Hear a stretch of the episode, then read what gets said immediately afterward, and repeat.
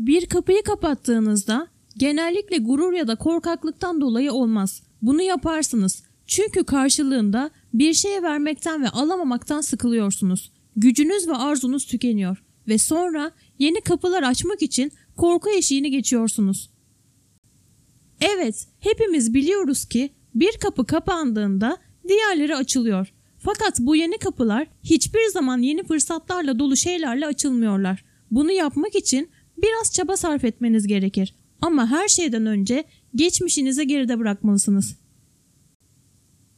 Aynı duygusal kanala uyum sağlama konusunda her zaman tedavi edilemez bir alışkanlıktan muzdaribiz. Acı çekmek, kayıp şeylere bağlanmak, elde edilemeyeceklerin hatırası ve yaşadığımız tüm hayal kırıklıklarının acısı.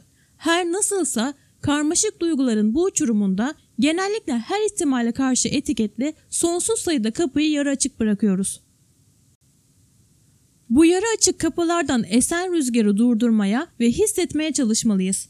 Bu durmuş zaman kuru gözyaşları ve düşler gibi kokan soğuk bir rüzgardır. Bu rüzgar bir zamanlar bize zarar veren insanların seslerinin yankılarını getiriyor.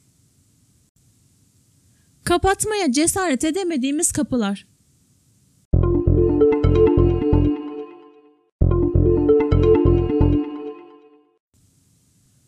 Duygusal dengenizi ve sağlığınızı korumak için bu kapıları kapatmanız gerekir. Çok sayıda kapının arkasında sizi bekleyen yeni fırsatlar hakkında konuşmadan önce kapatmadığınız kapılara yakından bakın.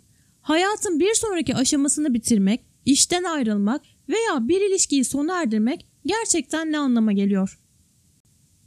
Bu her şeyden önce doğru bir şekilde nasıl bırakılacağını bilmek anlamına gelir ve bu bilgiyi bize hiç kimse öğretmedi. Ancak bir an için bu hassas cesaret eylemini düşünürseniz o zaman büyümenin, gelişmenin ve belirli niteliklerin kazanılmasının soğuk rüzgarların üflediği kapıları kapatma becerisini öğrenmeyi içerdiğini anlayacaksınız. Yaşam bize mutlu olmak için karar verebilmemiz gerektiğini öğretir.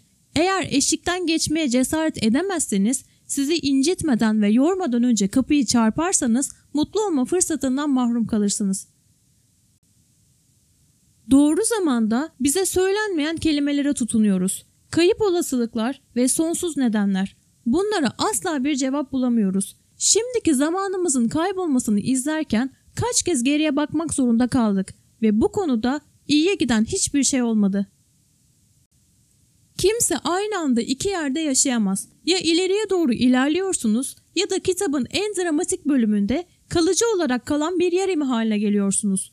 Bu yanlış sayfayı çevirmeli ve gerçekte kim olduğunuz halinize gelmelisiniz.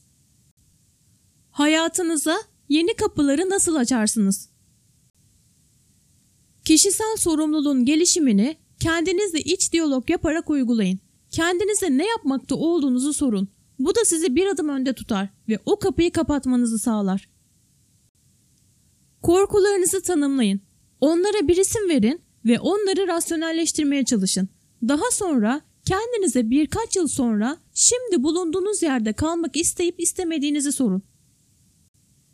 Güçlü yönlerinizi biliyorsunuz. Değerlerinizin, yeteneklerinizin ve başarılarınızın farkındasınız. Sizi içtenlikle destekleyen ve seven insanların olduğunu unutmayın.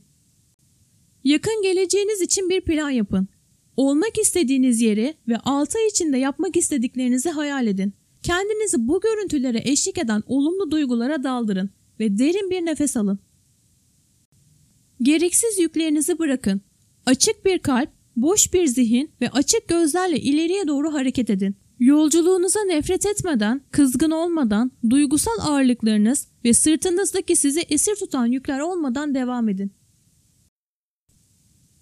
Evrende yeni ve harika fırsatlar arayan başka bir yıldız olduğunuzu unutmayın. Kapıyı kapatın ve geleceğinize yeni bir umutla bakın.